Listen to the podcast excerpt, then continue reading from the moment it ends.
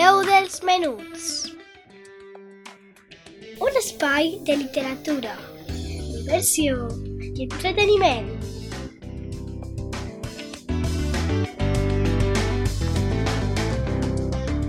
Amb Laia Esteve.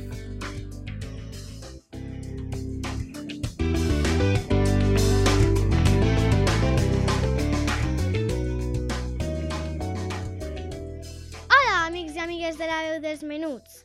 Avui estic altre dissabte sí per explicar-vos cosetes que m'han paregut interessants i que vull que vosaltres també sapieu.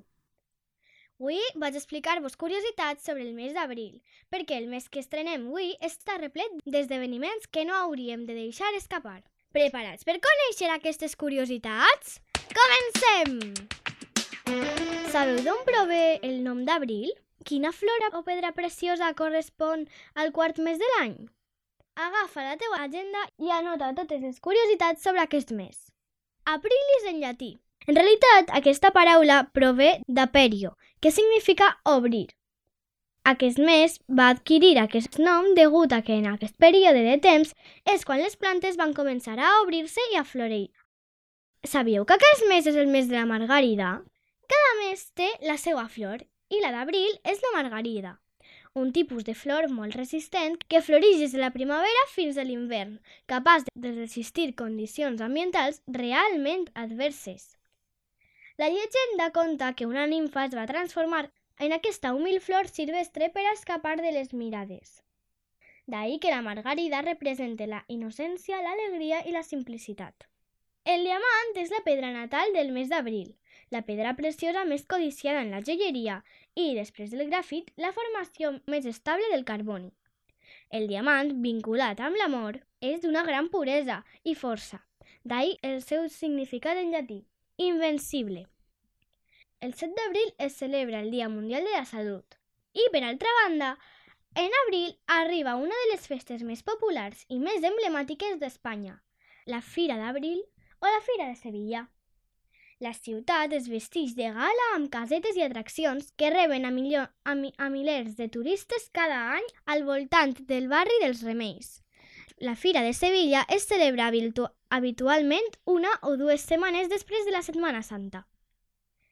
Una altra cosa que també va ocórrer en aquest mes va ser que la matinada del 14 d'abril del 1912 el Royal Mail Steamship Titanic va xocar contra un iceberg durant la seva travessia fins a Nova York.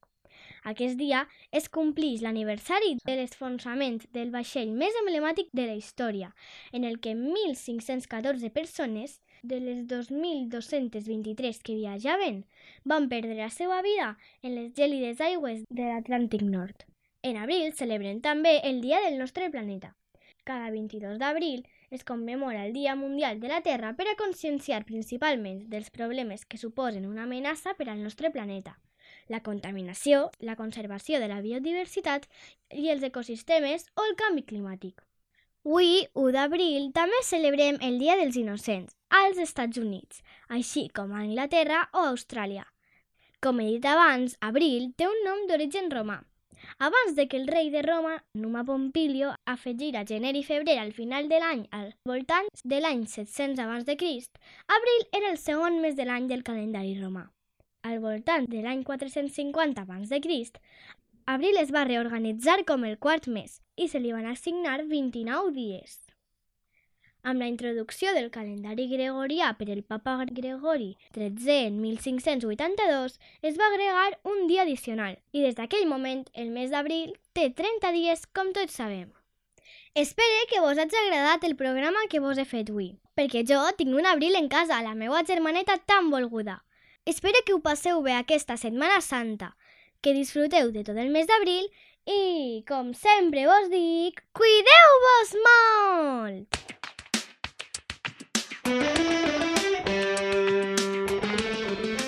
La veu dels menuts. Un espai de literatura, diversió i entreteniment.